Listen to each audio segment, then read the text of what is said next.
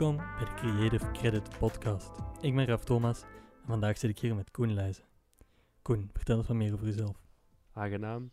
Ehm, ja, ik ben Koen Leijsen. Ik eh, ben 21 jaar en ik kom eh, uit Turnhout. Eh, ik ben nog, momenteel nog student. En naast student zijn ben ik ook ondernemer.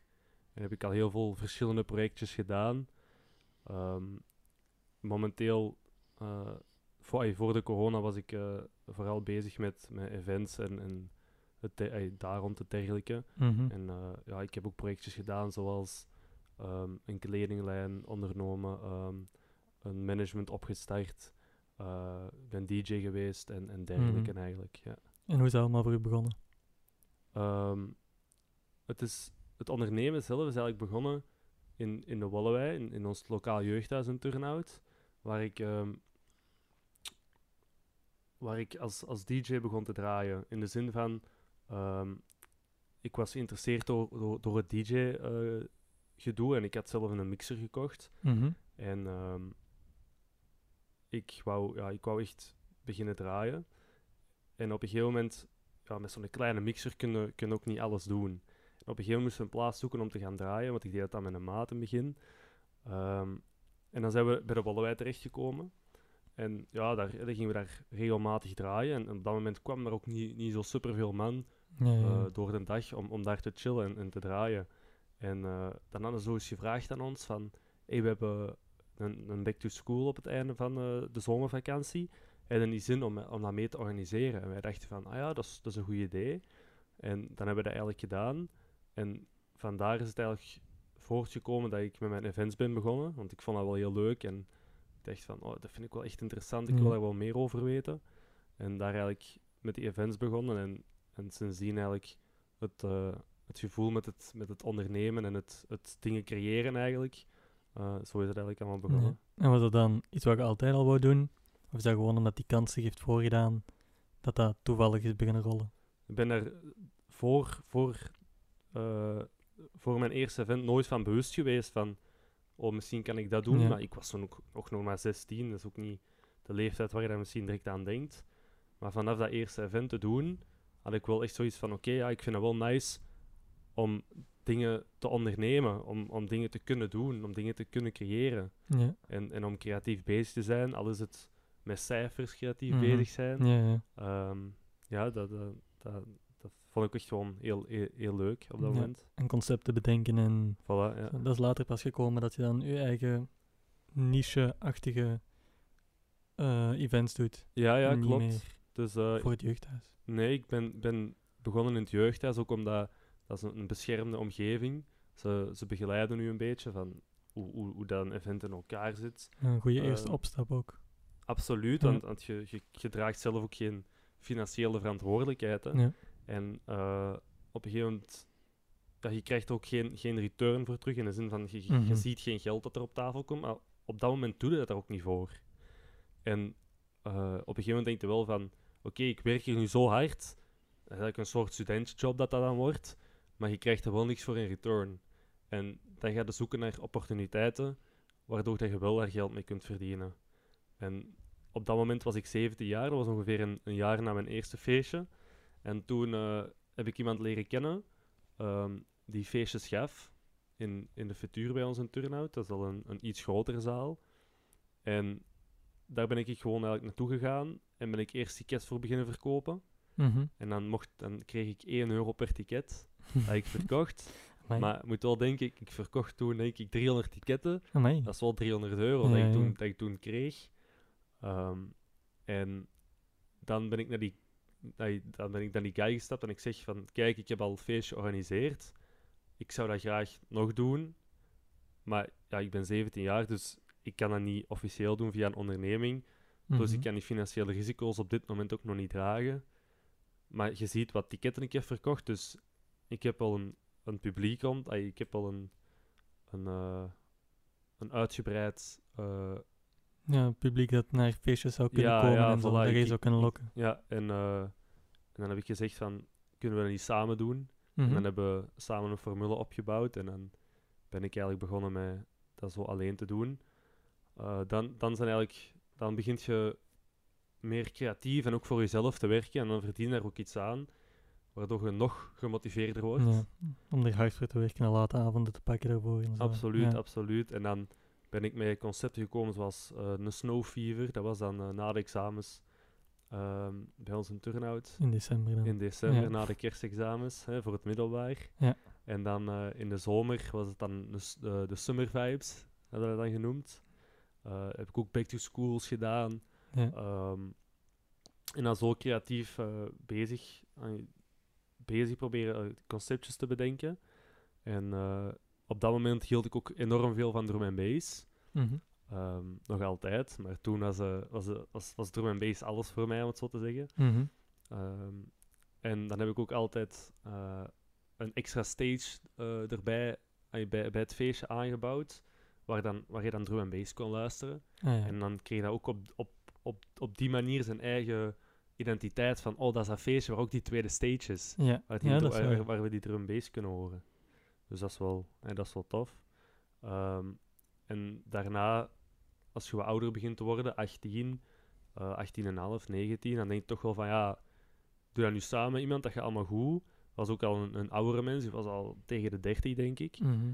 Maar op een gegeven moment wil je toch wel iets voor je eigen beginnen te, te creëren. Want ey, je doet het nog altijd samen en jij hebt alles bedacht en zo, maar je doet toch allemaal, je doet het nog altijd met iemand. Ja. En als dat met een maat is, is dat anders dan met een zakenpartner, snap je?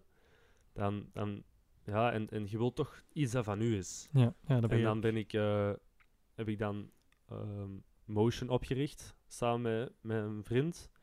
Ehm, dat is dan mijn drum en, drum bass concept. En dan eh, heb ik ook Culture opgericht, wat dan hip-hop was. Ja. Want eh, vanaf, mijn, vanaf mijn 18 ben ik zo geswitcht naar de hip-hop stijl. die Mhm. ik, qua muziek dat ik goed vond. Ja, dus drum bass was de eerste liefde en daarna is absoluut, hiphop. absoluut. En uw eerste liefde, dat vergeet ook nooit. ja, Hè. ja. Daarom dat je Dus- motion ook nog doet? Of is dat iets wat je gewoon sowieso zou blijven doen? Ehm, ik doe dat echt om, omdat je dat echt nog tof vindt. Ah, ja. Want als, als ik niks meer met drum bass zou voelen, zou ik het ook niet meer doen. ja. ja, dus en- er moet altijd wel iets van connectie met het concept zijn. Ja, Om ik, daarin ik denk dat wel, want an- anders doe je dingen puur voor geld. En Mhm. er zijn mensen die puur voor geld gaan werken, maar als je je job niet graag doet, dan ga je er nooit daar een voldoening uit halen. Nee, en dat dat is wel al, dat is wel de bedoeling dat je gelukkig bent in je leven en dat je daar een, een voldoening uit haalt. Ja, zeker waar. En, en daarom ook met, met Motion, met de drum en bass. Als ik ehm, bij vrienden ben en er wordt drum en bass opgezet, dan krijg ik de, de good old vibes terug. Ja, hè. ja, ja. En dan, dan, dan ben ik blij. En als er een nieuw liedje is van een artiest, van drum en bass, dan, dan ga ik dat ook checken. Want Ja, omdat ben je er naar wel- hebt geluisterd. ik ben wel ja. ik geïnteresseerd. Ik zou het nooit meer eh, zelf opzetten elke dag. Mhm. Maar af en toe hier en daar luister ik af en toe nog, ah, je zeker wel eens drum en bass. Uit, uit. Maar dan zet je begonnen met draaien ook zelf. Da allee, gelijktijdig. Ja, dus ik ben inderdaad eh, in het begin begonnen met draaien in Wallewij. Mhm. Eh, dat heb ik dan ook een heel lange tijd gedaan. In het begin ging dat supergoed. Ehm, want je bent ook nieuwe DJ, snap je? De hype Ja, is heel ja, groot. Ehm, en op een gegeven moment, toen ik, ah, ik denk 17 was, was ik zo van, oké, nu ga ik... Daar heb ik eigenlijk een verkeerde beslissing gemaakt. En dat is wel, en wel, wel interessant, denk ik. Mhm. Ik heb toen gedacht van, oké, ik ga de muziek draaien die ik zelf nice vind.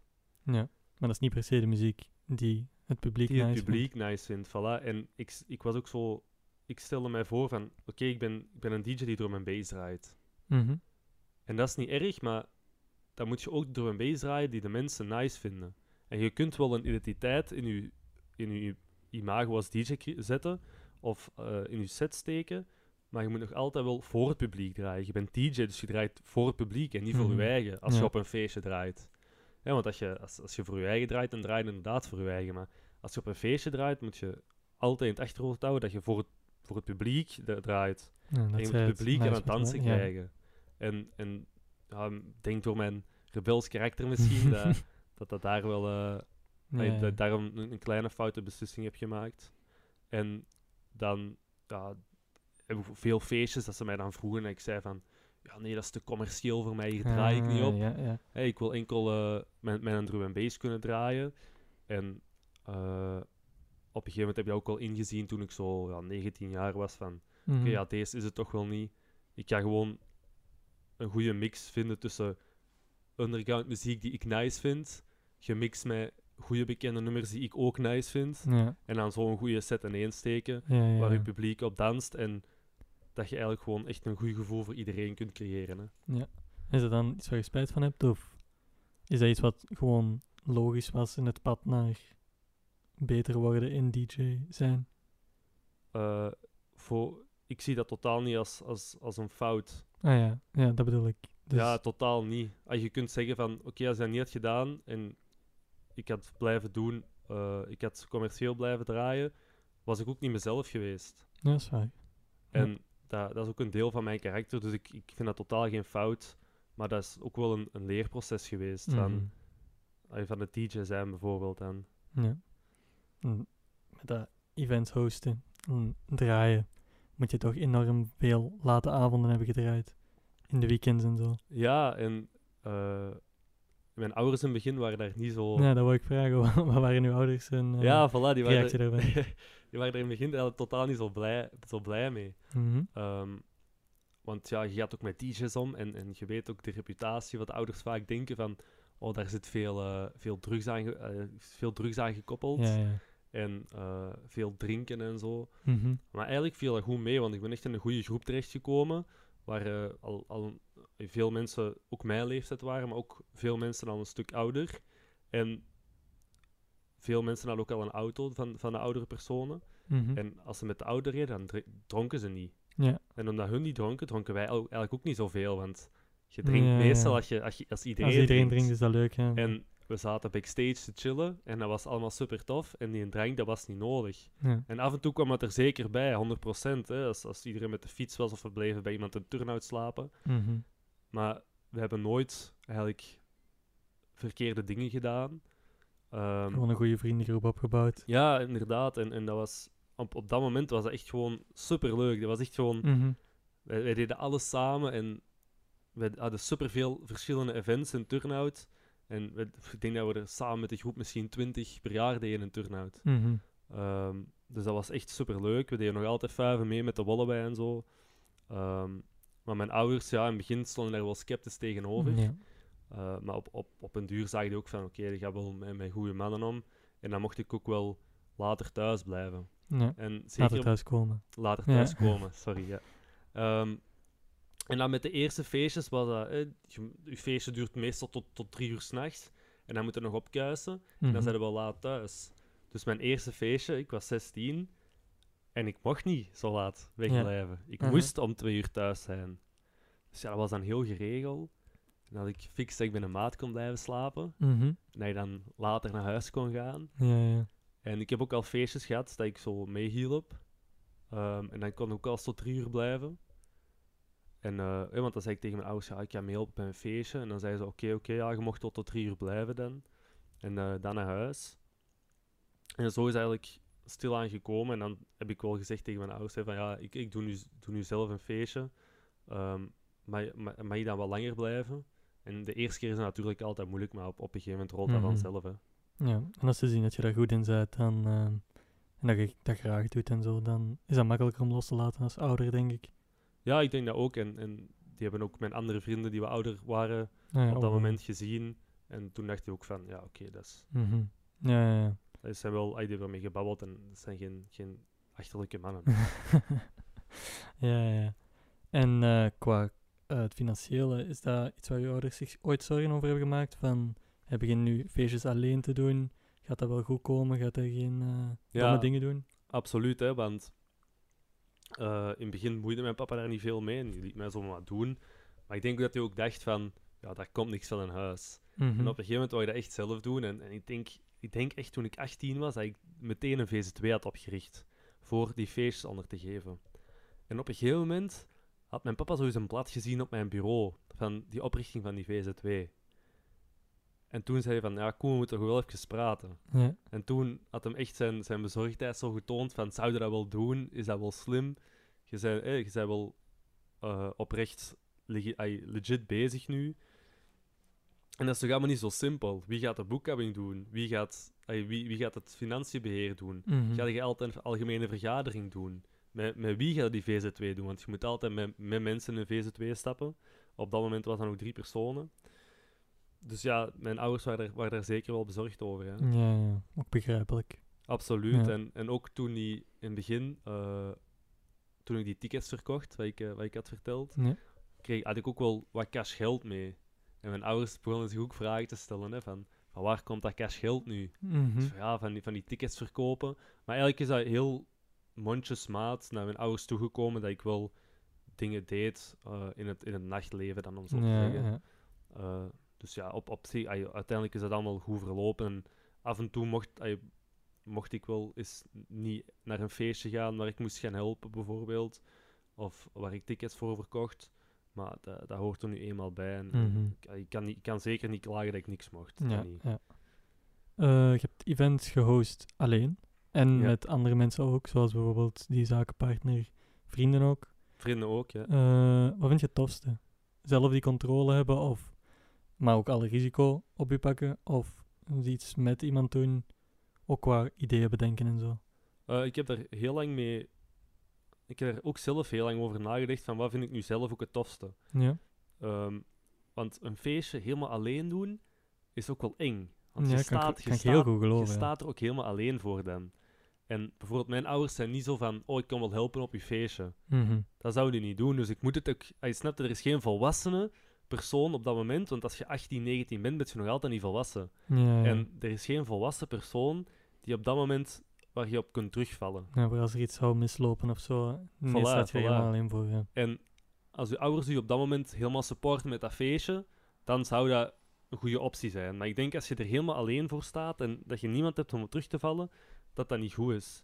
Maar ik denk dat bijvoorbeeld met, eh, als je dan vergelijkt met een zakenpartner te werken, met een vriend of alleen, dat alles, dat alles wel zijn voor- en nadeel heeft. Ja. Eh, als, je, als je met een zakenpartner werkt, dan is het puur zakelijk. En dan kun je ook zeggen van oké, nu stopt het. Maar Mm, ja. wat, belangrijk, ay, wat, wat daar moeilijk aan is, is ehm, als er niks op papier staat of er is niks deftig afgesproken, dan kunnen er soms wel mensen, Ja, misbruik. Ja, iemand genaaid worden en... ja. absoluut, en, en ja, dat is ook wel bij mij gebeurd met, met, met, die, ehm, met die zakenpartner die ik dan had uiteindelijk. Mhm. Want dat waren dan mijn concepten die ik bedacht had, die ik eh, groot had gemaakt. Hè, dus Facebook-pagina's, Instagram-pagina's, Ook die- gewoon op die- school daarover praten. Dus met, de ja, bekendheid op school, absoluut. Hè. De, de, de, de hele goodwill eigenlijk van, Ja. van, van die feestjes. En toen onze samenwerking stopte, heeft hij mij gewoon van de ene op de andere dag van al die Facebook-pagina's en Instagram-pagina's gesmeten. En was eigenlijk al mijn werk van de afgelopen drie jaar weg. Oh god. En dat was op dat moment wel, wel heel bruut. Ja, kan ik heel goed geloven. En als je met een vriend werkt, gaat zoiets normaal nooit gebeuren. Nee, maar heb je dan niet zo dat... Als die iets niet goed doet, durf ik dat wel te zeggen. Als ik wil stoppen, is dat niet... Gaat dat die vriendschap niet ondermijnen? Ja, ik- voilà. En, en dat, dat, dat is het moeilijke aspect aan met vrienden te werken. Ja. Maar ja, ik denk, als je echt goede vrienden bent, zou je dat Ja. toch wel met ja, elkaar moet lukken, hè. over. Als je, als je een, een, een pijnpunt hebt, dan moet je daar met elkaar over kunnen praten, denk ik. Ja, zeker als je zaken doet, hè. Want ik heb, eh, ik heb mijn vriend dan een feest georganiseerd. En op een gegeven moment hebben we ook besloten van, oké, de, de samenwerking gaat op een gegeven moment niet meer. En in het begin is dat, dat is echt een half jaar moeilijk geweest, eh, op, oprecht. En dan na de half jaar hebben we dat wel kunnen uitpraten. Ja.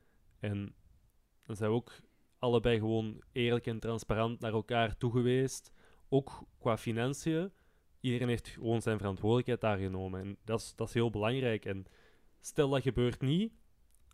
Het is niet dat het over 10.000 euro gaat. Hè? Mm, nee, nee, dat is waar.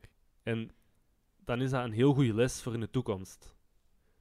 Dat je niet zomaar met iemand samenwerkt. En als je met iemand samenwerkt, ook al is het een maat, dan zit er nog altijd, maakt nog altijd een basiscontractje waar alles in staat. En ja, dat is waar. Belangrijk. Heel ja, belangrijk. dat, dat, is, dat is echt super belangrijk.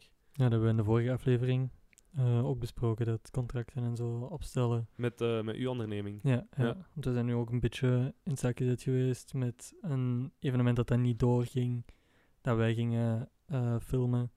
En ehm, ja, er stond niks van op papier. Dus we zijn daar ook een beetje ja, op onze koude koffie gekomen, of hoe zeggen ze dat?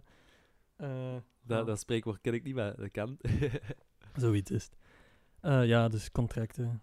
Ja, ik hamer er nu wel echt op dat dat altijd in orde is, want ja, en op zich, op zich is dat ook niet veel werk. Hè. Dat is gewoon een ja, snel een con- moet je- contractje opstellen. En, niet met wetboeken en... eh, nee, en, en normaal, elke partij zou dat normaal wel... mhm, moeten willen. Ja, voilà. Als, als, als iemand het niet wil, dan, dan klomt het al wat shady over, Ja. vind ik. Ja, inderdaad, daarom. Yes. Ehm, uw feestjes zijn vrij... Allee, ik zou denken, uw feestjes hosten is duur. Veel duurder dan een Scouts 5, waarbij dat een lokale DJ die alleen maar carnavalplaten draait. Ehm allee, zo'n evenement hosten moet toch goedkoper zijn dan iets wat jij doet? Absoluut, ja. Ja, is dat moeilijk om daar tegen op te boksen? Tegen zo'n Scouts 5 waar je voor op 2 euro binnen kunt.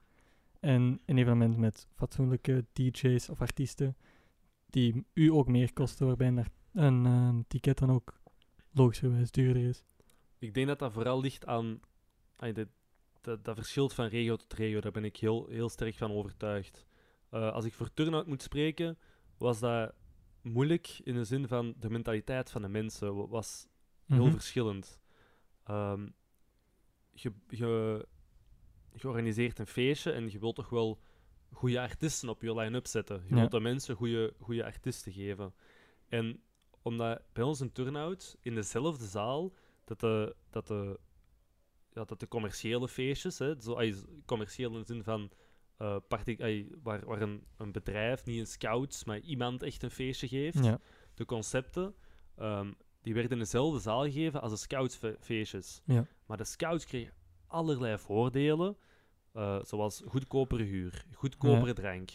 En bij gevolg, de tickets worden eh, minder duur, drinken wordt minder duur. Mhm. En als er dan een ander feestje is en je wilt nog eens een goede artiest zetten, maar je moet al, dan moet al zeker een, een, een duurdere ticketprijs. En daar hadden mensen toch wel eh, soms een verkeerde mentaliteit in van, Ja. oh, nu kost dat ineens 8 euro, waarom zou ik dan nu wel gaan? Ja, ja. En dat heb ik op dat moment, en, en dat vond ik op dat moment wel jammer in Turnhout. Zeker niet iedereen dacht zo, maar ik had het gevoel, de meerderheid toch wel. Ehm, maar ik denk bijvoorbeeld dat je naar steden als Antwerpen gaat of Gent, Mhm. dat, dat mensen wel echt gewoon zijn om, om een deftig ticketprijs eh, te betalen. Eh, zelfs voor scoutsfeestjes, want ik zie eh, in, in, ste ay, zo in, in stedelijke gebieden scouts toch ook wel serieuze namen op de line-up zetten. En ik denk dat dat daar genormaliseerd wordt. En dat dat in eh, meer ehm, buitenstedelijke, ge- buitenstedelijke plaatsen, dat dat ehm, meer zo is van... eh, ik, ik wil niet, niet de hoge ticketprijs en ja, geef ja. mij wat veel drinken ook. ja, ja, dat- ja, op Scouts 5 sowieso. En, ja, Maar dat- heb je dan ook weer, als je naar een goede artiest gaat op een evenement, dan, allee, ik toch, drink dan veel minder. Dus dan vind ik dat ook normaal dat ik dan dat geld steek in de artiest. Omdat ik dat ook wel toffer vind om dan op te letten voor de artiest en niet helemaal lam te gaan. Ja, voilà, maar je moet ook eh, denken, een, een ticketprijs van 10 euro voor een feestje, wat feestje dat ook is, dat is niet veel, hè. Nee, nee En voor een hele avond entertainment, eh, muziek. Ja, voilà, en van, er, zijn, er zijn verschillende dingen die geld kosten, maar bij zo'n een scoutsvuif, die kunnen dat gewoon puur doen omdat die enorm veel sponsors hebben, Mhm. en die krijgen goedkopere tarieven meestal. Ja, ja. En dat is gewoon zo. Die krijgen zodanig veel voordelen dat die ticketprijs gewoon zo laag kan zijn. En als, als mensen dat gaan vergelijken met een ander feestje, eh, bij die andere feestjes gaat het ook meer voor de belevenis. Als het niet voor de artiesten is, ja. voor u te amuseren. En dan denk ik van, of dat ticket nu 5 euro meer kost of niet. Ja, zo, ja, moet dat het verschil maken om, om de keuze te maken om na- naar dat evenement te gaan. Ja, klopt. Eh, ik ga heel even de camera Goed opnieuw zo. opzetten. Hier zijn we terug. Hier zijn we weer. Camera staat terug lopend. Eh, iets wat ik mij al lang afvraag eigenlijk, en ik heb eigenlijk nog nooit gevraagd aan u of aan Simon, of eh, hoe selecteert jij DJ's en artiesten? Is dat iets waar je weet van, ik ga een drum and bass evenement doen en deze artiest vind ik momenteel goed en is populair, dus ik ga die pakken? Of zit daar echt nadenkwerk in van, die zet ik dan en die huur ik dan en... Eh, Ah, wacht, dat is die klok. Oké, het is nou. Ja, zeg maar. even Sorry. een wekkertje erbij. Ja. Ehm, dat ligt ook, ook weer aan, aan het genre waarin, waarin je het feestje organiseert. Ehm, bijvoorbeeld bij commerciële events Mhm. zie ik dat eerder ehm, van hoe goed draait die persoon. Oprecht, hoe goed draait die persoon. Ehm, als die persoon niet kan inspelen op het publiek, is dat niet iemand goed voor een commercieel feestje waar allround muziek wordt gedraaid. Mhm. Als, als, eh, als die DJ ehm, niet deftig kan mixen, ook al horen de, het meeste van het publiek dat niet, zal ik die DJ nooit boeken. Ja. En daar vind ik het minder belangrijk, het aspect dat mensen de DJ kennen. Meestal zijn die DJ's lokaal bekend en is dat heel belangrijk. Mhm. Maar als je naar genre muziek gaat, eh, gaat je echt kijken naar eh, wat is de naam van, hoe groot is de naam van die artiest, Ehm, eh, hoeveel, hoeveel eh, aanhang heeft die, hoeveel mensen kennen die. Je gaat altijd kijken van hoeveel volgers van mijn vrienden volgen die, om, om een ay, een redelijk representatief Beeld aan- hebben van ja, beeld te hebben Ja. van hoe groot de following is in België. Hè? Want ook al bijvoorbeeld bij drum bass boekt je heel veel artiesten van, van Engeland, bij hip-hop heel van Nederland. Ah, ja. En dan moet je wel weten van, zijn ook mensen in België die die kennen? Want wij zijn constant bezig met die muziek. En er zijn wel mensen die ook bezig zijn met die muziek, maar misschien niet zo hard als ons. ja, ja. En die heb je ook nodig op, op je genre-events. En je moet wel weten dat, ze, dat de personen, die, eh, je, je publiek, dat die eh, de artiesten die je wilt boeken al kennen. Want misschien Ja. kennen ze ze nog niet, omdat het nog een opkomende artiest is. Dus je moet zo wel de balans vinden tussen mainstream en goed in dat In genre. het genre, ja, Ja. ja. dat is heel belangrijk. Ehm, en eh, als je te, te niche gaat, dan er, zal- er zal altijd publiek voor zijn. Elke artiest die je zet, altijd. Ja. Ehm, en ook hoe je het commercieel overbrengt, marketinggewijs, ehm gaat ook heel veel inspelen op hoeveel publiek dat je krijgt. Maar ik denk dat toch altijd wel belangrijk is om, om daar altijd wel een, een, een soort van mainstream genoeg factor in te steken. Ja, ja. Ik denk Om dat dat heel, een groter publiek te lokken. hè. ja, dat, dat, dat, hangt, dat bepaalt heel, heel veel. eh, Dat, dat, hangt, dat bepaalt heel erg je succes, denk ik. Ja. Ehm, bijvoorbeeld bij drum and bass, ehm, als je een, een serum boekt, ehm ik ga dat waarschijnlijk niet kennen, die artiest, Nope. dan, eh, dan gaat een heel klein niche publiek aanspreken van een drum. Mhm. En andere mensen gaan dan misschien, andere mensen die in een drum bass zitten en daar heel erg naar luisteren en misschien ook kennen. Maar als je dan een headaches gooit, of eh, naar België kijkt, nu een Used, ehm, of, je, of, je, of een Mickey G, ja. mensen kennen die en Ja. die hebben die naam ooit al eens gehoord. En als je daar dan een goede marketing rond kunt doen, dat is hoe je mensen lokt. Ja, ja, ja. Ook mensen die maar een klein beetje naar drum bass luisteren, kennen die. En als er dan vrienden gaan, zijn die veel sneller ook geneigd om mee te komen en zo. Absoluut, ja, ja. absoluut. En voor de rest is het ook belangrijk, denk ik, om op feestjes eh, altijd kleinere artiesten een kans te geven. Mhm. Vooraan in de avond of zo. Eh, ja, vooraan of achteraan in de avond. Eh, ik denk, denk dat dat echt ook heel belangrijk is. En dat dat zo ehm, ieder- ah, iedereen een kans krijgt, op, op, op, op, zijn minst. Hè, want iedereen Ja, ja. moet de kans krijgen om zich te bewijzen. Hè. Klopt, klopt. Ja, want hoe kon dat anders groot worden, hè? Als niemand nu ooit een kans geeft. Want als, als ik nooit mijn kans had gekregen in de Wollewij, was ik ook ne- nergens geweest. Klopt, klopt. Heb je nog wat water? Ik heb nog genoeg water. Oké. Eh, en dan had je naast eh, evenementen nog een kledinglijn gehad en een agency. Ja. Management, ja. Dat klopt. Ik heb ehm, mijn kledinglijn opgestart toen ik... eh, goh, nu moet ik juist zijn. Toen ik 18 was, denk ik. Oké. Ehm, en ik heb dat met mijn maat vanuit school toen gedaan. Ehm, en dat was zo heel grappig, want op, op dat moment wa- waren er zo meerdere mensen al een kledinglijn aan het opstarten. Mhm.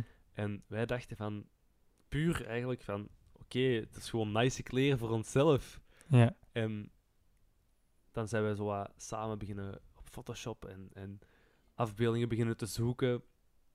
En wat beginnen te tekenen. En op een gegeven moment had echt een graaf logo, vond ik. Ja. We vonden het allebei echt supergoed.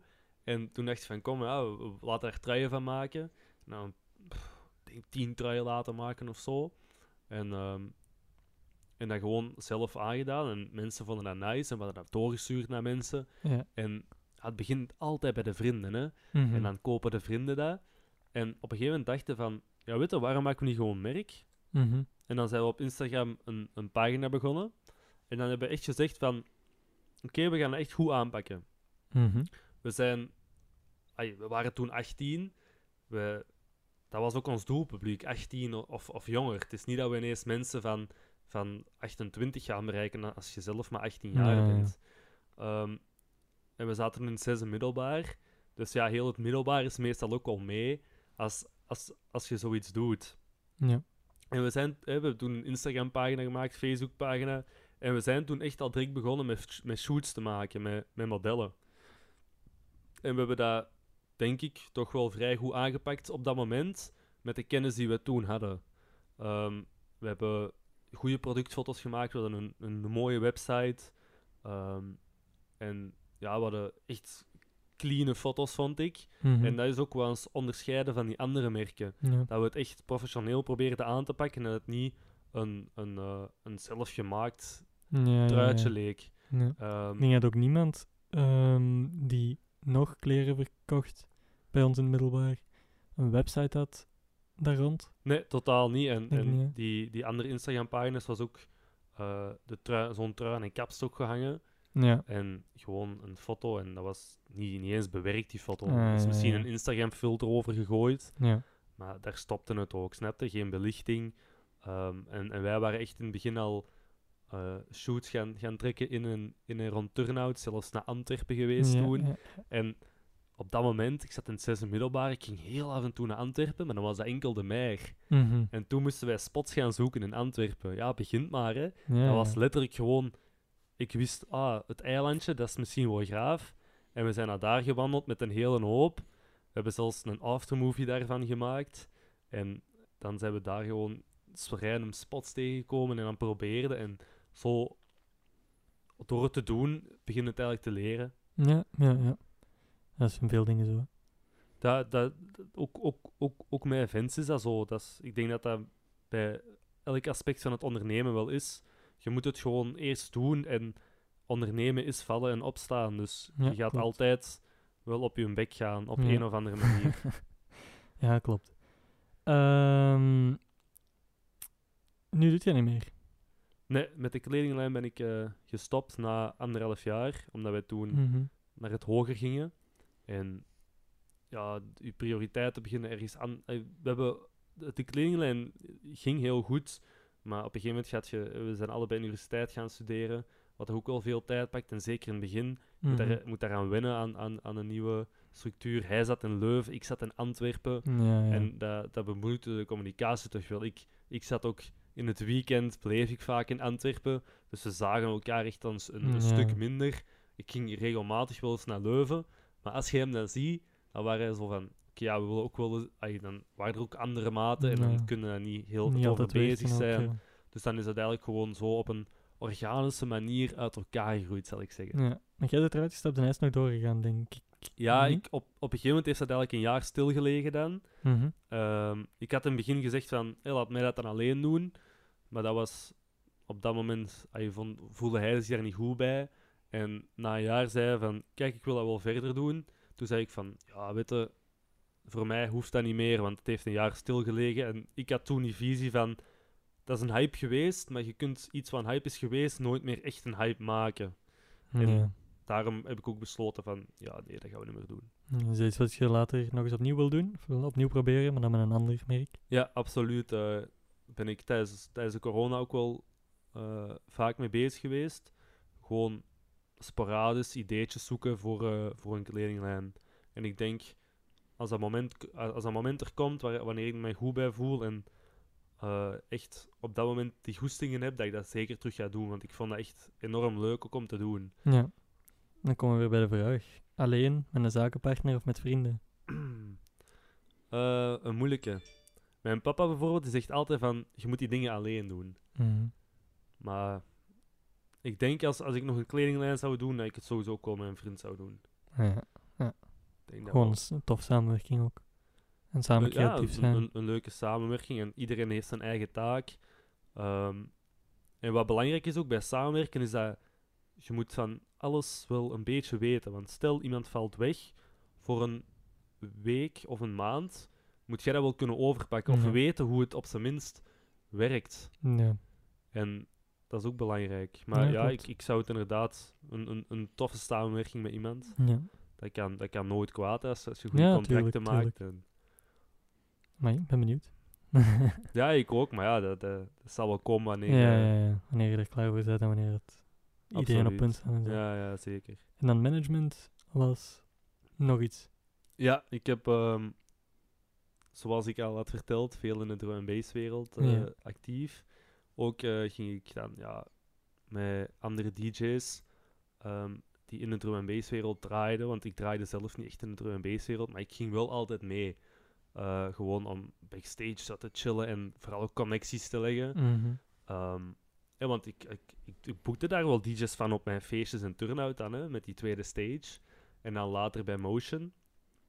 En op een gegeven moment, ehm, het is heel lang zo geweest dat Engeland de Belgen domineerde in, in, het, in het drum and bass jump-up wereld. Ehm, en jump-up werd enorm bekend in, in België, maar iedereen wil altijd Engelse artiesten zien. Mhm. En dan was, was er ook een, een Engelsman die naar, eh, die naar België was gekomen. Ehm, en die heeft dan hier ook allemaal dingen ondernomen. En die heeft dan een agency opgericht. En eh, er zijn toch wat eh, bedenkingen bij geweest. En dat ging toch allemaal niet even goed. En dan was er een andere Engelsman die in België woonde. En die wou, die wou ook een agency opstarten. Had, had, had, had ik en een maat vernomen. En toen dachten we van, eigenlijk, wij zijn België. Wij, Wa- waarom, doet, waarom doet geen Belg dat? Waarom? Mhm. En dat was, we waren toen 19 jaar, of ja, 19. Maar dat is toch wel een, een vrij grote stap om op dat moment te nemen, denk ik. Zo Mhm. ineens een management beginnen. Ja, ja. Want dat, we hadden daar nul ervaring in. Hè. Wij gingen wel mee naar feesten en we zagen grotere artiesten. En wij keken ook hoe dat eraan toe ging. En je leert hier en daar, ook mezelf grotere eh, DJ's te boeken. Ziet je die contracten, je ziet hoe die opgesteld zijn, je ziet hoe dat ineen zit. En met de kennis daarvan zijn we eigenlijk dat zelf begonnen. Eh, veel opgezocht. ehm, ook naar iemand gestuurd die, die een, eh, een management had. Ehm, en, en daar een aantal dingen aan gevraagd. En toen hebben we eigenlijk op een, een vrij professionele manier ook, zeker voor ons, ons kunnen doen, ehm, iets opgestart met zeven artiesten uit de, uit de drum and bass scene. ja. En wat doe je dan als management? Toch contracten en zo, zoals je zei. Eh, ja, Hm. dus we waren eigenlijk... ehm, maar zou ik nog wat water mogen? Ja, natuurlijk. Mijn keel begint wat droog te worden. Heb ik die fles eigenlijk gezet? Ik hoor hem precies. Nee, dat is bed, denk ik. Ik ga de waterfles.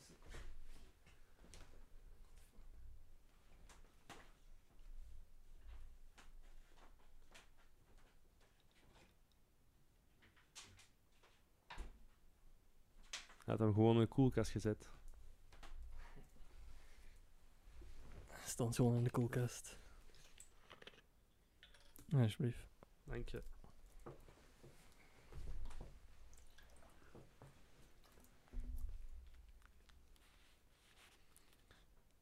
Oké, ik ben er weer.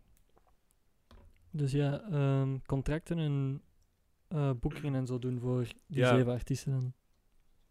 Dus we hadden zeven artiesten, maar de enige was al meer ontwikkeld dan de andere. En Mhm. wist meer waar hij naartoe wou dan de andere. En we, voor, elke die, eh, voor elke artiest deden we eh, de contracten opstellen, eh, de facturen ehm, en de boekingen regelen. Dus onderhandelen over de prijs. Als iemand hun wou boeken, hè, onderhandelen over de prijs. ehm, gewoon naar hun doorsturen, het hun zo gemakkelijk mogelijk maken. In de zin van, je, je stuurt naar hun door, dat is de locatie, dat is de tijd. ehm, een, een rider opstellen voor die artiesten. Hè, wat, wat ze allemaal krijgen ehm, op dat moment op, op, eh, van, van eten en drinken. Dat ze, dat ze Ja. zeker goed verzorgd worden. Ehm, dat deden we eigenlijk voor iedereen. En eh, voor, een bepaal, voor bepaalde artiesten gaven we ook advies. Van als ze een nummer wouden uitbrengen, of als ze een discussie hadden met iemand, of op, zelfs op social media, als ze soms een reactie posten dat we zeiden van oei, deze we wel echt niet doen. Mhm. Je moet oppassen met wat je doet. Ehm, met hoe ze zich moesten gedragen op events. Sommige DJ's waren nogal, ehm, hoe, hoe kan ik het best verwoorden, losbandig af en toe. Ja, ja, ja. Ehm, die, die, ze dronken wel, wel wat alcohol voordat ze aan hun set begonnen. En als je, op, als je DJ wilt zijn, en je wil, dan moet je op dat moment er wel staan. Mhm. Op, eh, zeker op een evenement dat, dat, waar, waar meer dan duizend mensen zijn. Eigenlijk op elk evenement. Als je je performance moet doen, moet je zien dat dat goed is. En dat dat van goede kwaliteit is. Ja, En dat, daar waren dingen waar wij ook sommige artiesten mee in begeleiden eigenlijk. ah, ja. oké. Wel interessant. Ja, een brutale vraag, maar schrijft dat goed? Of? Want ik, ik weet niet of... Allee, het waren wel de bekendste drum and bass artiesten van Van België. België. die, ja. allee, die ik ken in, toch? in, in Jump Up, hè? In Jump ja, Up, in Jump Up, ja. Maar hadden die echt het kapitaal om jullie daar veel voor te betalen? Allee, je moet dat niet zeggen als... eh, nee, nee, nee, nee, nee, maar ik, ik wil daar gerust open over zijn. Ehm, als je, er, er hangen voor- en nadelen aan zo'n, aan zo'n agency. Het voordeel is dat het voor die artiest veel makkelijker wordt. Alles wordt voor hem geregeld. Hij heeft minder zorgen en meer tijd voor andere dingen. Je hebt begeleiding. Eh, je hebt altijd een second opinion waar je altijd op kunt terugkomen. Ja. Als er iets niet geregeld is op dat event, moet hij niet moeilijk gaan doen, maar gaat de agency moeilijk doen. Dus zijn naam qua artiest wordt niet slecht. ja, ja, ja. Dus dat zijn, dat zijn voordelen. En, en de nadelen zijn dan ehm, dat die artiest misschien iets van zijn fee moet afgeven. ja. En bij ons was de deal toen 15%. Ah, ja, ja. Wat eigenlijk op dat moment niet veel was. Artiesten vroegen, denk ik, op dat moment rond de 200 euro. Maar toen we die agency zijn opgestart, hebben die prijzen ook een stuk omhoog ge- gebracht. Omdat je onder die agency zit, je wordt een stuk professioneler. Mm, En we hebben, dat, we hebben dat ook zo geleidelijk mogelijk aan proberen te doen. En ook vooral voor nieuwe evenementen. Eh, want je moet altijd denken, je moet altijd weten waar je vandaan komt. En loyaal blijven aan de mensen die u in het begin geholpen hebben. Ja. Dus bijvoorbeeld, eh, als sommige artiesten hadden wel van, voor dat feestje ga ik wel goedkoper komen. Mm, En ja. dat respecteerden wij ook. Het is, Ja, niet, het is niet dat we zeiden van, nee, wij bepalen uw prijs. Zo, wij, wij, wij kenden ook al die DJ's persoonlijk. Dat waren ook, daarvoor chillen wij daarmee. Ja, ja, ja, ja. Ehm, dus, dus dat was, was een, een samenwerking langs, langs de twee kanten eigenlijk. Dus jullie deden ook de prijzen zetten voor hun, tenzij dat zij daarvan worden afwijken? Of mochten zij nog altijd kiezen van, nee, ik werk niet voor zo weinig. Maar als jullie zeiden, dit is een betere prijs voor dat event of zo. Eh, ja, dus ehm, wat belangrijk is, dat wij de, dat wij de prijzen bepaalden. In de zin van, ehm, als, wat er wel vaak gebeurde, was dat er een, een organisator rechtstreeks naar de DJ stuurde om daarmee te onderhandelen. Ja, ja, ja. En als dat een goede maat is van die DJ, werd er al wel eens een prijs tussen hun twee afgesproken en moesten wij dat ineens een factuur maken. En, en dat hebben we ook in het begin terecht gezegd van, zo gaan we niet beginnen. Mhm. Alles komt langs ons. ja. Te sturen naar ons voor de prijzen. En dan zullen wij wel, als, als de DJ in kwestie voor minder wilt gaan draaien, bespreekt hij dan met ons. En dan kunnen we daar een akkoord over vormen. We hadden op voorhand samen in overleg een, een vaste prijs afgesproken. En als we een prijsverhoging wouden doen, dan was dat ook in, in samenspraak met, met, met de artiesten. Je moet ook denken, ehm, je kunt moeilijk iemand met ah, twee DJ's met ongeveer twee dezelfde kwaliteiten, ehm, dat de ene 100 en de andere 200 euro kost. Dat, gaat natuurlijk niet. Ja, ja. Ja, ja, ja. Dus ja, de, de prijzen waren eigenlijk in, in samenspraak vooral. Maar alles moest wel langs ons pas. Ai, alles van de organisator moest sowieso langs, langs ons komen in eerste lijn. Het is Ja. niet dat, dat, dat de organisator met de, met de DJ zelf even kon afspreken, want dat is geen manier van Ja, werken. dan dat, gaat ook dat het je hele-. Het hele nut van het agency gaat dan ook gewoon ab- absoluut. En dan moet je ook gewoon e- één lijn trekken, want als je dat voor één iemand een uitzondering maakt op, op dat vlak, Ja, dan, ai, dan op een gegeven moment is, is het niet meer te overzien als, als één ja. iemand dat doet. ja, klopt. Dan corona. Ineens alles gedaan met events. Ja, dat is... eh, want ik had dan... In mijn management had, had, eh, ben ik daarmee gestopt. Mhm. Die kledinglijn was ik daarmee gestopt. Ehm, ja, management zou sowieso niet zijn, zijn gekund in de corona. Maar dan was ik vooral nog bezig met mijn events. En dat was dan ook, eh, was dan ook niet zo goed afge... Ja, ja. geen, geen events meer. Mijn laatste event dat ik, heb dat ik heb kunnen geven was in 22 februari 2020. Eh, dus ik heb nog wel een eventje in Ja, 2020 ja, kunnen doen. Dat is wel leuk. Ehm, maar ja, daar, daar, daar ging eigenlijk alles, alles verdween Mhm. met de lucht mee. Ehm, en toen heb ik het echt wel een periode heel moeilijk gehad.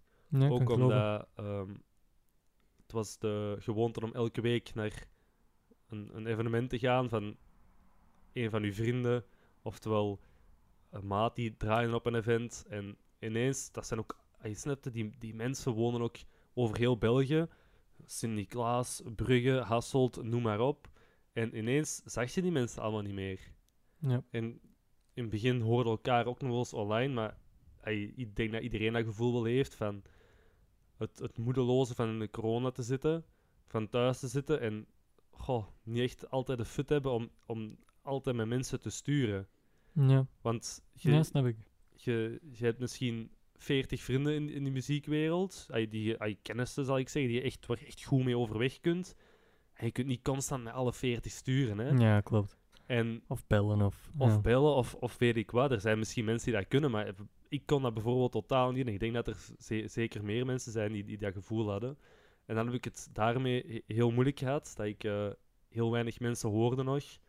Ehm ja, lag misschien ook aan mijn eigen, maar ik, ik, dat verwijt ik mezelf zeker niet.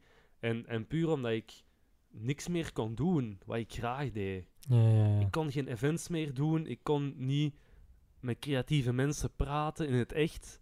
Want uw creativiteit, mijn creativiteit toch, wordt echt bevorderd als ik met creatieve mensen praat. En samen kom je ook op, op andere inzichten. En Ja, vloeit vooruit conversaties en gekke absoluut, heel, ideeën en heel, zo. heel vaak, heel vaak. En dat, dat miste ik allemaal tijdens de corona. Ja, ja, ja. En ik vind dat sommige mensen zijn heel, goed, eh, zijn heel goed geweest met de corona. Ik heb mensen zien openbloeien. Ehm, ik heb eh, mensen zien eh, echt het creatief, ehm, creatief zien werken kant, ja. Ah, ja. tijdens, tijdens om, om met de lockdown om te gaan, om toch Ja. te kunnen ondernemen. En dat vond ik heel mooi om, om dat te kunnen zien met mensen. Maar bij mij heeft dat eigenlijk, heb, heb ik het wel echt heel moeilijk gehad. En, en heb ik gedacht van, ik vind dat super nice dat die mensen dat allemaal doen en ik gun die allemaal 100%, maar ik voelde mijn eigen wel kut dat ik zelf niks kon doen. Ja, ja. En dat ik mezelf zo moedeloos voelde Ja, En- snap ik. vanaf, ehm, vanaf september eh, heb ik dan, hè, dat nieuw schooljaar begon, heb je dan echt wel gedacht van, oké, hier moet wel iets aan veranderen. Ik heb dan eh, ook een bijcursus gaan doen in de marketing. Mhm. Eh, dan heb ik een paar keer eh jobjes gedaan als, als, eh, als, als consultant marketing. Mhm. ehm, voor, voor social media, voor bedrijven te regelen. Ja. En, eh, en daar ben ik nu eigenlijk eh, mij vooral meer in aan het verdiepen. En wil ik het ook een beetje professioneel gaan aanpakken. Ja. Ehm, Naast events. Dan, na naast corona. events, als, we dat, Als als, terug we- mag, ja. als dat terug mag. Hè. Ehm, En dat is ook iets waar je in je verder leven ook gewoon mee wil verder gaan? Of is dat ook wat je nu gewoon doet omdat je nog jong bent en daar je interesseert? de Of events, Eh, nee, nee. Het, eh het marketing, marketing voor bedrijven. Ja. Of is dat iets wat je gewoon jezelf ziet doen tot over 50 jaar? Eh, ik denk, ik denk dat dat moeilijk is om, om dat 50 jaar lang te doen, want je moet constant met nieuwe dingen bezig zijn. En Mhm. ik denk, als je, op, je wel op een bepaalde leeftijd komt, dat je al die nieuwe hype-dingen niet meer Ja. zo interessant vindt. En dat Ja, je, de nieuwe social media. ik denk dat wel. Ik denk, ik dat oprecht dat je op een gegeven moment zoiets hebt van, oké, het is allemaal wel genoeg geweest om de hele tijd de hype te volgen. Ja. Ik heb nu mijn eigen idee over het leven en ik wil nu meer genieten op een casual manier. Als je begrijpt wat ik bedoel. Ja, ja, ja, ja. En dat denk ik wel. Dus ik denk niet dat dat... Ik denk sowieso dat dat niet voor heel mijn leven gaat zijn. Maar ik denk dat dat voor nu... En zeker als ik... eh, terwijl ik nog student ben... Dat, je- als ik dat, kan, dat je dat kan bijdoen, dat dat wel... Als ik dat zou kunnen uitbouwen tot die school, dat dat wel een leuke Hmm. bijverdienste is. Ja, ja, ja. Eh, ik ga nog heel even de camera opnieuw opzetten Perfect. en dan ben ik terug.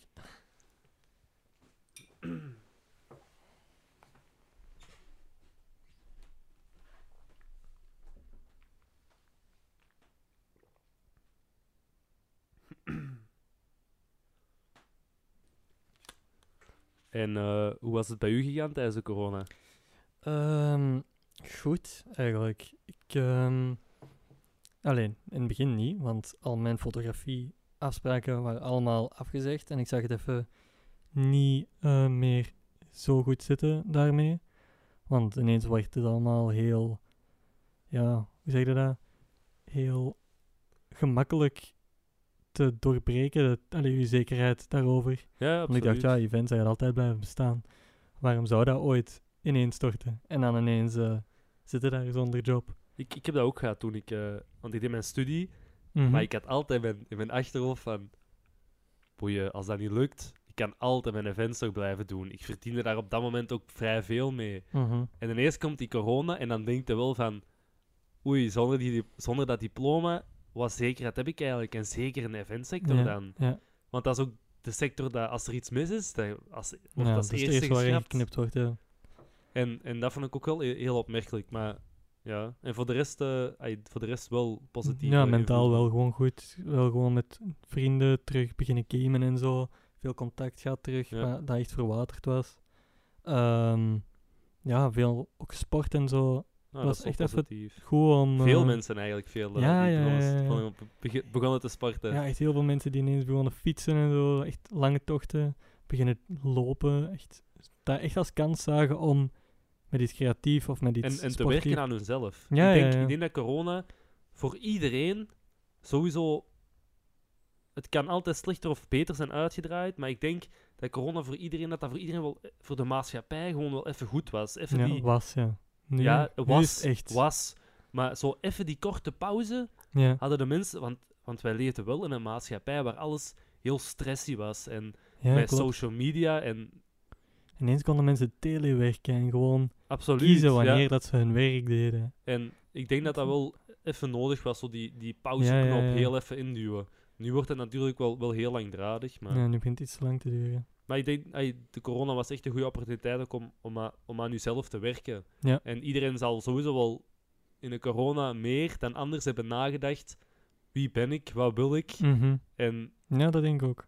dat, dat, daar ben ik echt heel erg van overtuigd. Ik denk dat we daar de resultaten nog van gaan zien na corona. Dat mensen die altijd dachten van ik wil later evenementen organiseren bijvoorbeeld. ehm, maar ik weet het niet zo goed. Dat die nu door corona ineens een boost hebben gevonden van ik ga dat gewoon doen. Want de evenementen werken eindelijk terug. Of, Goh, dat, dat vind ik een moeilijke vraag. Daar kan ik niet zo op antwoorden. Waar, waar ik wel... of een andere dingen, hè. Dat je denkt van Ja, mensen ja, die met een passie zijn bezig geweest. Dat die daar toch in gaan beginnen. Of is corona dan zo de periode geweest waarin we dat even deden. En daarna gewoon terug in die sleur van een niet-corona bestaan. Ik denk dat als corona voorbij is, dat, dat het wel snel terug alles normaal gaat zijn. En Ja. dat iedereen wel in zijn normale leven hervalt. Mhm. Ehm, maar ik denk dat corona wel zeker een periode is geweest dat mensen hebben kunnen nadenken van wat wil ik. En dat ook zeker meer naar gaan streven. Daar ben ik wel van overtuigd Ja. dat meer mensen hun eigen weg gaan vinden. ja, Want, dat is te aan- hopen. ja, want er werd ook veel opgelegd van, van de maatschappij voor corona. En dat zal altijd zo blijven. En dat zal, dat zal Ja. snel terug het normale zijn. Maar deze, deze periode is toch heel speciaal dat iedereen voor, voor zijn eigen heeft, echt heeft kunnen uitmaken. Wat, wat, wat wil ik en wie ben ik? Ja, ja, kan ik geloven. Ja, hopelijk dat het ten goede komt van eh, iedereen. Ja, inderdaad. En ik heb toch al veel, echt veel mensen zien opfleuren door de corona. Dus daar ben ik wel echt oprecht heel blij mee. Ja, ja spijtig dat er ook mensen zijn die er niet goed mee om kunnen en echt dat sociaal contact nodig Dat hebben. En, Ja, en, en dat, dat heb ik ook al.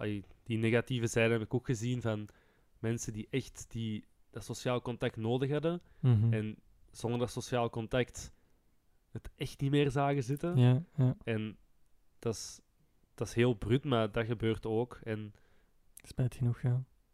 daar, op, op dat moment was daar ook ni- niks aan te doen. Je kunt zoveel bellen met iemand als je wilt.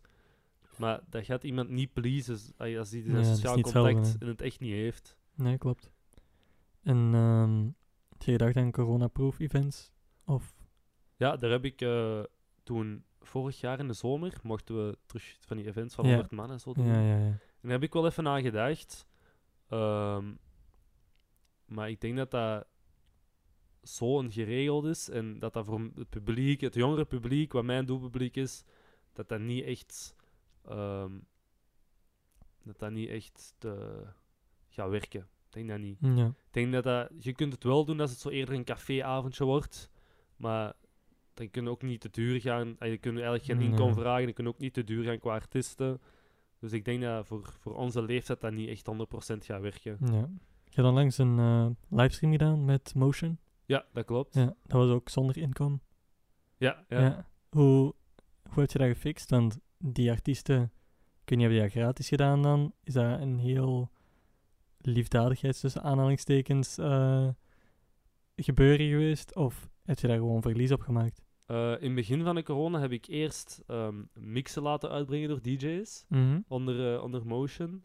Om zo om toch een beetje actief te blijven. En toen begonnen er heel veel events met, met die livestreams. Ja. En ik dacht toen van, dat is nice, maar dat is heel veel geregeld en ik ga dat momenteel nog niet doen. Mhm. Ook omdat er, er waren er op een gegeven moment zoveel en dan wou ik niet degene zijn die er nog maar ene gaf. En in december ehm, heb ik, bel, ah, belde er iemand mij, eh, een andere organisator, en die zei van, eh, we hebben een eh, subsidie kunnen fixen van de overheid. En daar kunnen we een livestream mee doen. En heb je zin om mee te doen met, met Motion. Ik zeg van, uit, Mhm. super nice. Dat was eigenlijk een perfecte op- opportuniteit. Ja. die eigenlijk op, op dat moment naar mij toe is gekomen. Ehm, om dat te doen.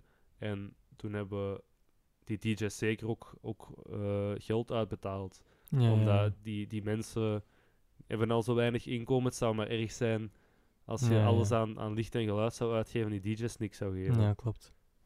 Ja, ja dat is wat ik mij afvroeg ehm, hoe dat gedaan was. Maar dat was dan, je zit ermee gegaan om je naambekendheid te behouden en zo. Of Nee, ook gewoon nee, omdat je het niet- graag nog eens om- wou doen. Niet om de naam bekend te houden, maar gewoon omdat ik inderdaad echt zelf nog graag iets wil, wou doen. Want het was echt allemaal lang geleden. En om gewoon... Snap het? we, we hadden... Ik, ik, die persoon belde naar mij en ik had direct meteen een idee in mijn hoofd van oké, dit wil ik doen. En ik zag het concept voor mij. En dat was een nice productie. En als je een livestream moet doen, ehm, dat je het helemaal zelf doet, zonder geld, een deftige livestream kost wel wat geld. Ja, dat kan ik heel goed geloven. Ja. Dus dan gaat je kwaliteit van je product niet zo hoog liggen. En Ja, dat is wel iets waar je naar streeft. Hè. dat, vind ik, dat vind ik wel belangrijk. Het, het, het ligt eraan in welke context dat je doet. Maar als je bijvoorbeeld momenteel met Motion, dat toch al redelijk bekend is in die scene, Mhm. moest je toch wel iets deftig kunnen neerzetten. Ja. Als je naar een, een beginnend event gaat en het is iets minder, dan is dat ook oké. Hè? Ja. Je, je, Ja, kunt, je kunt gerust met een, met een laag budget iets deftig neerzetten. Dan is dat niet van wauw, maar je kunt wel iets, iets dat clean is, snap je? Ja, ja, ja. Dat kan ook zeker. Maar, Maar, je had al een standaard gelegd. Hè, ik had al een standaard gelegd met Motion en dan moet je die standaard ook zeker behouden. Je kunt niet ineens eh, een livestream gaan doen in een, in een kamer ehm, met allemaal zwarte doeken Ja. en waar, waar twee DJ, waar twee mengpanelen staan en met één frontcamera, met Ja. één angle. Snap je dat? Die kosten zijn beperkt. Ja. Er zijn er nog altijd wel kosten bij. Maar ja, daar lag mijn standaard bij dat kon Motion je niet meer doen met Motion. ja, ja, ja. En er zijn nog andere dingen die je wil doen na corona? Of gewoon tijdens corona? Toekomstplannen? Mm, dingen met Motion? Dingen voor ja. jezelf? ehm, na corona wil ik zeker Motion nog verder uitbouwen. Mhm. Ehm, en, en wil gaan naar een, een, zeker een festivaltje in de zomer. Amai, Eh, ja, een- als het mag. ja, maar niks, spe- niks speciaal in de zin van geen festival van 3000 man, maar gewoon Ja. een openluchtfeestje eigenlijk. Dat ik Ja, zeker ja. wel wil doen.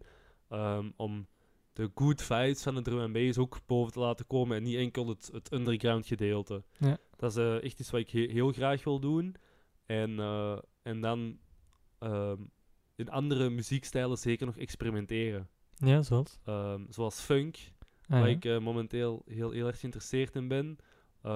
De, de rhythm, maar, maar nog meer, dat, eh, dat is zo wat underground dubstep. Aha. Ehm, dat zou ik ook nog wel eens in, Turne, eh, in, in Antwerpen bedoel ik willen, willen doen. Ehm, ja, hip-hop zeker ook nog verder, eh, verder proberen en uitbouwen. Eh, eigenlijk gewoon ja, veel, veel experimenteren met verschillende communities en verschillende dingen. En, en we zien wel waar, waar dat ons brengt. Ja, zeer interessant. Hè. Ja, zeker. En je, el, elk, elke scene heeft ook zijn eigen eh, kwaliteiten en zijn eigen, eigen ideeën en zijn eigen Ja, ja, ja. denkwijze. En dat is zo leuk om daar allemaal mee bezig te zijn. Mhm. Ik vind genremuziek zoiets mooi, omdat die mensen die leven echt, ay, niet, niet per se leven, maar die zijn bezig met die muziek en die appreciëren dat er iets gebeurt. En dat is, dat is heel leuk. Het is echt altijd een community gevoel. Ja. En dat vind ik heel ja, belangrijk ja. Als, je een, als je een event geeft. eh, als je een succesvol event wil geven. Community. Community, community. Dat is iets dat je echt naar moet streven als, als, als, event, eh, als eventmanager, vind ik. Als ik nu zou zeggen, geef aan alle mensen die een evenement willen starten, in genre dan wel, eh, een tip, dan zou je zeggen community. Ja, en niet enkel in genre. Ik zou dat echt overal zeggen, eigenlijk. Dus ook op commerciële... Ook op commerciële feestjes. Ehm, je moet een identiteit creëren van je eigen event. En daar rond een community bouwen. Ja. Er zijn altijd mensen die in de binnenste community zitten, die super harde diehard fan zijn. Maar je moet je community zo groot mogelijk proberen uit te bouwen. En dat doet je met allemaal verschillende dingen. Maar wat heel belangrijk is, is actief zijn. Mhm. Dus op social media ook, hè, actief zijn. Mensen moeten u zien. Maar bijvoorbeeld ook op straat, met stickers, Mhm. met, Posters. met truien. Met, ja, posters niet per se, dat, werkt, dat is nog altijd nice.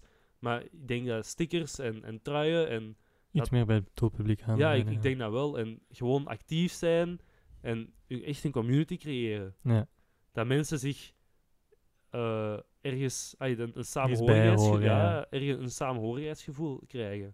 Ik denk dat dat echt, echt, echt een heel belangrijk ding is in, om een succesvol event te creëren. Tomorrowland heeft zijn, ehm, heeft zijn community, heeft zijn identiteit. Ja, klopt. Ehm, en hebben hun diehard fans, eh, die, diehard fans, en hebben de mensen dat er altijd elk jaar naartoe komen. Ja, klopt. Maar als je die mensen die er elk jaar, elk jaar naartoe komen, die gaan ook altijd goed praten over Tomorrowland. En als je, als je kijkt naar, ehm, om, om een voorbeeld te geven in een jump-up, Invaders, een van de eerste feestjes die, eh, die bij ons in, in België doorging, daar is een hele community van geweest. Hè? Mensen op feestjes die roepen, Invaders, Invaders. Ja, ja, ja. Ook al waren de andere feestjes, toch werd dat, wordt, werd dat geroepen door de MC's. Ja, ja, ja. Dat is- dat is zo van die dingen. En dat komt organisch, maar ook door de input van de organisator en mensen die daar rondstaan. Want elk event, eh, groter event en concept, Mhm. leeft niet enkel op die organisator. Ja. Al die mensen die daar rond meewerken zijn even belangrijk. Ja, ja, ja. Uw ambassadors, die tickets voor u verkopen. In de drum is dat nu eens heel belangrijk, bijvoorbeeld. Maar dat zijn allemaal mensen die ertoe maken dat dat, dat allemaal een community wordt. Die, die, staan voor uw concept, die daar mee aan mee Ja, willen ja, ja. werken, die daar trots op zijn, dat die daar deel van uitmaken. Mhm. En dat, zijn, dat, zijn, dat moet je creëren, denk ik. Dat is ook iets waar je naar streeft dan om te doen bij je events. Absoluut. En, en wat, wat ik bijvoorbeeld persoonlijk, dat, dat is niet dat dat altijd moet, maar ik persoonlijk geef heel graag iets terug aan mijn publiek. Mhm. En ik eh, geef bijvoorbeeld bij mijn drum, drum and bass concepten altijd ehm, om 12 uur gratis ijsjes. Mhm. 200 denk ik dat er altijd zijn. En ehm, ook, ik, ik zorg ervoor dat er altijd ehm, eten is. Maar eten in thema. Mhm. Dus bijvoorbeeld, ik heb een Paris Edition gedaan. Dan heb ik ook monsieur eh, laten serveren. Ehm, ik heb dan een, ehm een Tokyo Editie, Tokyo gedaan. Dan heb ik voor noodles gezorgd. Ehm, en en zo, van die, zo van die dingen, dat maakt allemaal eh, als, ja, iets teruggeven aan je publiek. Ja. Dat is ja. heel belangrijk. Je Ik moet, heb gefotografeerd op de USB Day Bash. ja, klopt. En helpen opruimen tot, eh, hoe laat was het? Zes uur. Zes uur, ja, dat was... eh, En dan al die mensen zien vertrekken en allemaal een ontbijt krijgen van u. ja, ja, toen hadden we eh, wel, chocoladebroodjes Ja. met fruitsap was het toen, hadden we geregeld. ik, ja, ik vond dat heel chic ook hoe die mensen dat allemaal apprecieerden. Mensen zijn echt heel dankbaar op dat moment. Ja. Dat, is echt, dat is echt heel leuk. En die vergeten het niet. Hè. Allee, jij doet iets wat de meeste events niet doen.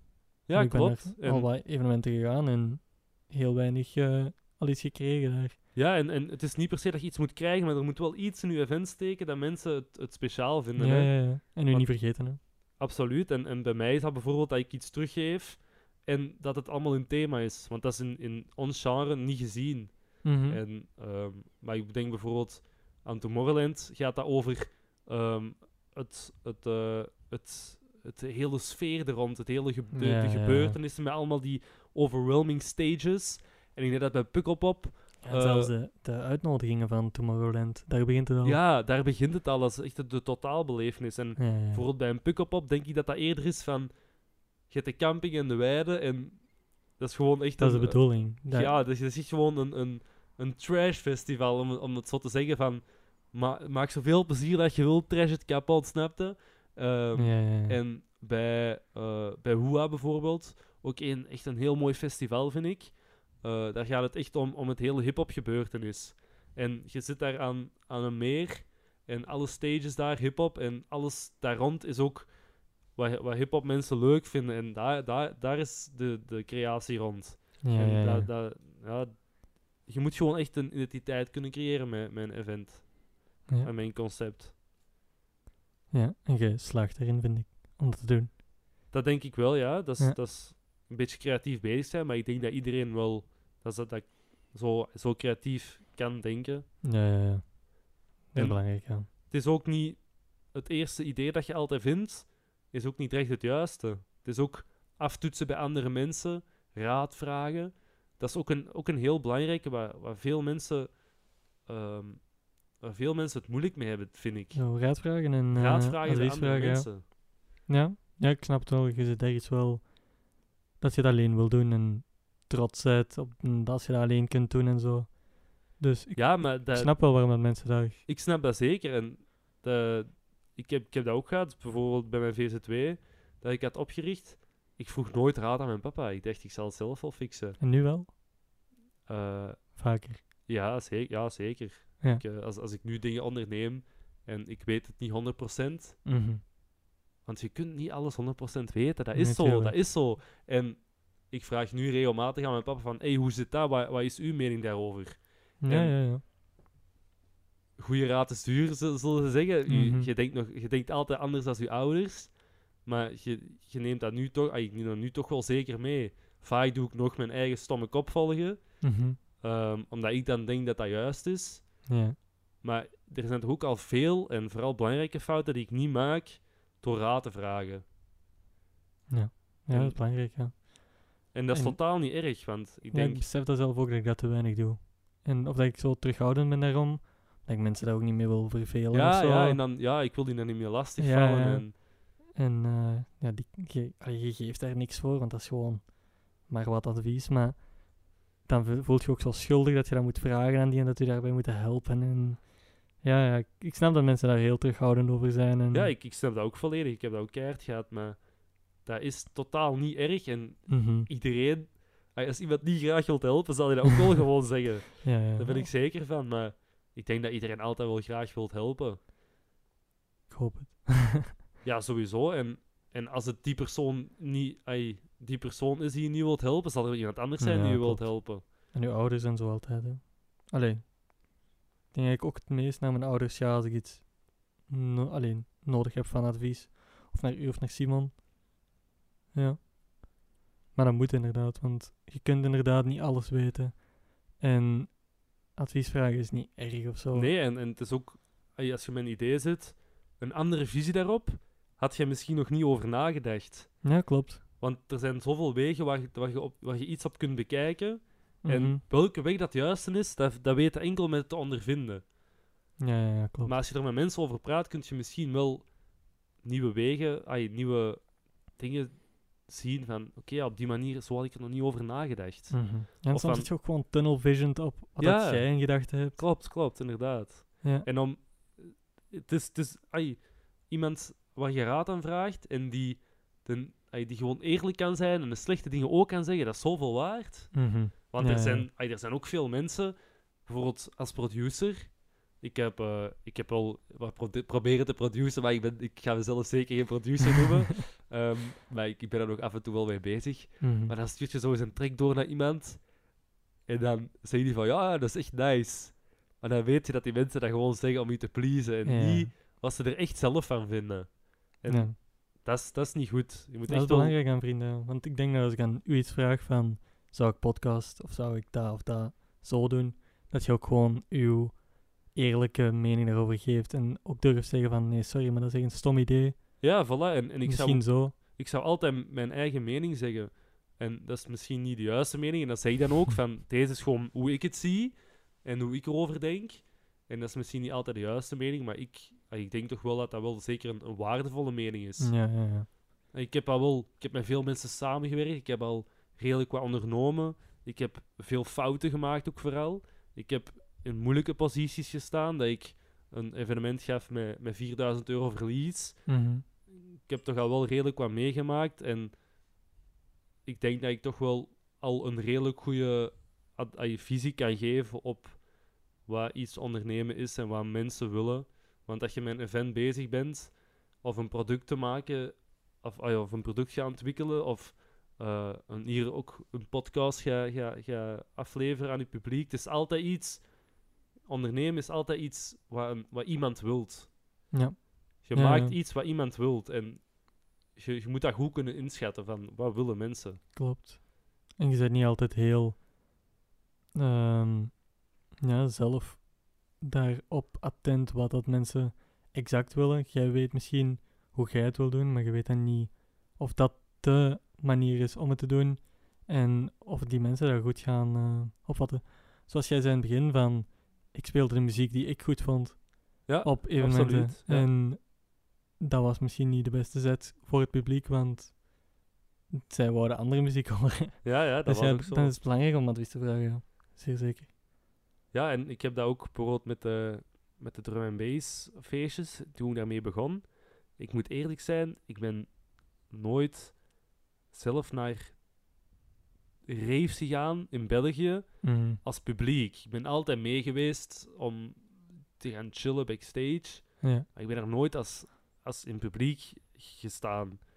En toen ik begonnen was met dat feestje, heb ik echt oprecht naar, naar wat mensen, naar echt publiek ook gestuurd. Naar echte ravers noemen ze dat Ja, dan. ja. Gestuurd van, hey, hoe ziet jij dit en wat vind jij daarvan? Ja, ja, ja, heel En- interessant ook. Allee, als Ja, je, zelf niet had geweest... Je moet dat aftoetsen. Dat is, dat is net zoals je een, een product ontwikkelt. Je, als je- als je denkt van, oké, dat gaat dat gaat in mijn omgeving goed werken, vraag het ook aan iemand anders die in een andere setting zit. Van, van, van, ay, van, Ja, van klopt. mensen die, die, die, die rondom die persoon staan. Ja, ja, klopt zeker. Ja. Want eh, bijvoorbeeld met school hebben wij nu een, eh, een zakje dat we hebben ontwikkeld. Mhm. Ehm, en dat is een, een drieho- driehoekig eh, stoffen zakje. En je kunt er je gsm op, op zetten. En Ja. je kunt het ook gebruiken als spittenkussen. Mhm. En eh, in het begin hebben wij zo afgetoetst bij, bij mijn vrienden. En ja, veel vrienden zo van, ja, ik zou dat niet echt kopen, snap je? Ik heb het niet nodig of zo. Dat pittenkussen, ja, dat is wel nice, maar... En dan zijn we gaan horen bij de mama's en de papa's. En daar bleek er wel interesse te zijn. Ah, ja? Ja, die zei ze van, ah ja, dat is nice. En dan kan ik mijn gsm daarop zetten als ik aan de keukentafel zit. Maar ja, voor ons maakt dat niet uit om onze gsm vast te houden. Omdat wij dat gewoon Als- zo gewoon zijn. En, Als, wij, als wij iets willen kijken op onze gsm, houden wij gewoon vast. Maar die, die, ay, die, die oudere mensen vinden dat dan blijkbaar wel leuk om dat erop te zetten. ja. En oh, dat is ook een pittenkuszakje. En dan vinden dat, vinden dat leuk. En ik denk dat ook omdat dat een schoolproject is, dat dat, Ja, wel, ja, dat, dat wel gesupport wordt natuurlijk. Maar Mhm. daarom is het ook altijd belangrijk om, om in verschillende doelgroepen te gaan, gaan toetsen. Ah, je moet weten welke doelgroep dat je wilt aanspreken met je product. Dat is belangrijk. Ja. Ja, ja. Klopt. Ehm, heb je daar nog iets opgeschreven? Eh, dit is Nee, totaal niet. ik denk dat we rond zijn. Ja, Tenzij dat dus, jij nog iets graag wil eh, meedelen. ehm, nee, maar ik ben, ik ben wel benieuwd hoe het eigenlijk nu met je fotografie en zo is. Ah, ja, dat is in de vorige aflevering besproken. Die Ja, gaat, die, dus die moet, die moet ik eigenlijk ook kijken dan. ik- ja, ja, die komt die komt morgen online. Maar ja, morgen is eh 9 april. Ah, oké, ja. Allee, als alles goed is verlopen en ja, zo, ja, staat oké, normaal ja, gezien. perfect. Ja, Ik dus, ben eh, benieuwd, ik ben benieuwd. Zeker luisteren. hè. Ja, met, eh, met een nieuwe... ehm, met een nieuw businessmodel. Ja. Van, met de samenwerking, daar heb ik al wel wat van vernomen. Ja, die gaat wel goed. Alleen de projecten die we doen zijn niet goed aan... Allee, zit Ja, wat stroef. Ook, ook normaal, je bent nog, je bent nog Ja. in het begin. We zijn nog maar pas bezig. Voilà, en eh, u- het heet niet, niet zo makkelijk om, om een klantenbestand op te bouwen. Nee, om een klopt. cliënteel En op te zeker bouwen. tijdens corona nu. Voilà, Je en, merkt en wel dat mensen terughoudender zijn. bijvoorbeeld bij, bij, bij de marketing die ik doe, hoe doe ik dat? Ik kijk op LinkedIn Mhm. of, er, of er vacaturetjes vrij zijn. Ja. En dan, dan stuur ik van, hey, wat jij hier beschrijft, dat doe, dat doe ik eigenlijk. Ehm, Mhm. Ik heb dit al gedaan. En ja, ik, ik ben nog maar beginnend, dus ik vraag nog niet zoveel.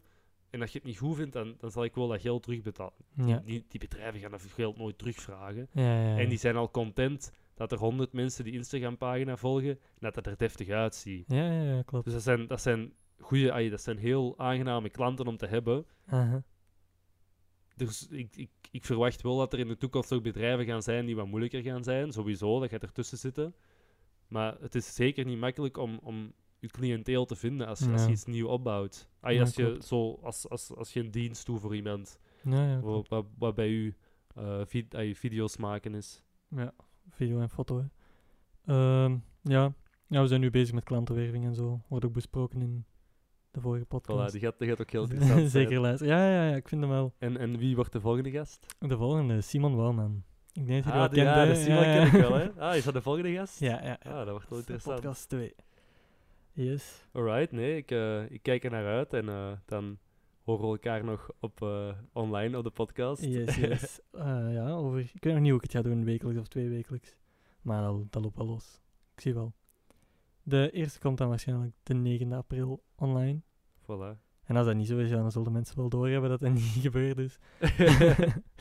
Eh, goed, Koen. eh, merci om te komen. heel graag gedaan. Ik vond het eh, echt oprecht heel leuk. Ja, ik vond het ook heel tof. Ik vond het ook heel tof.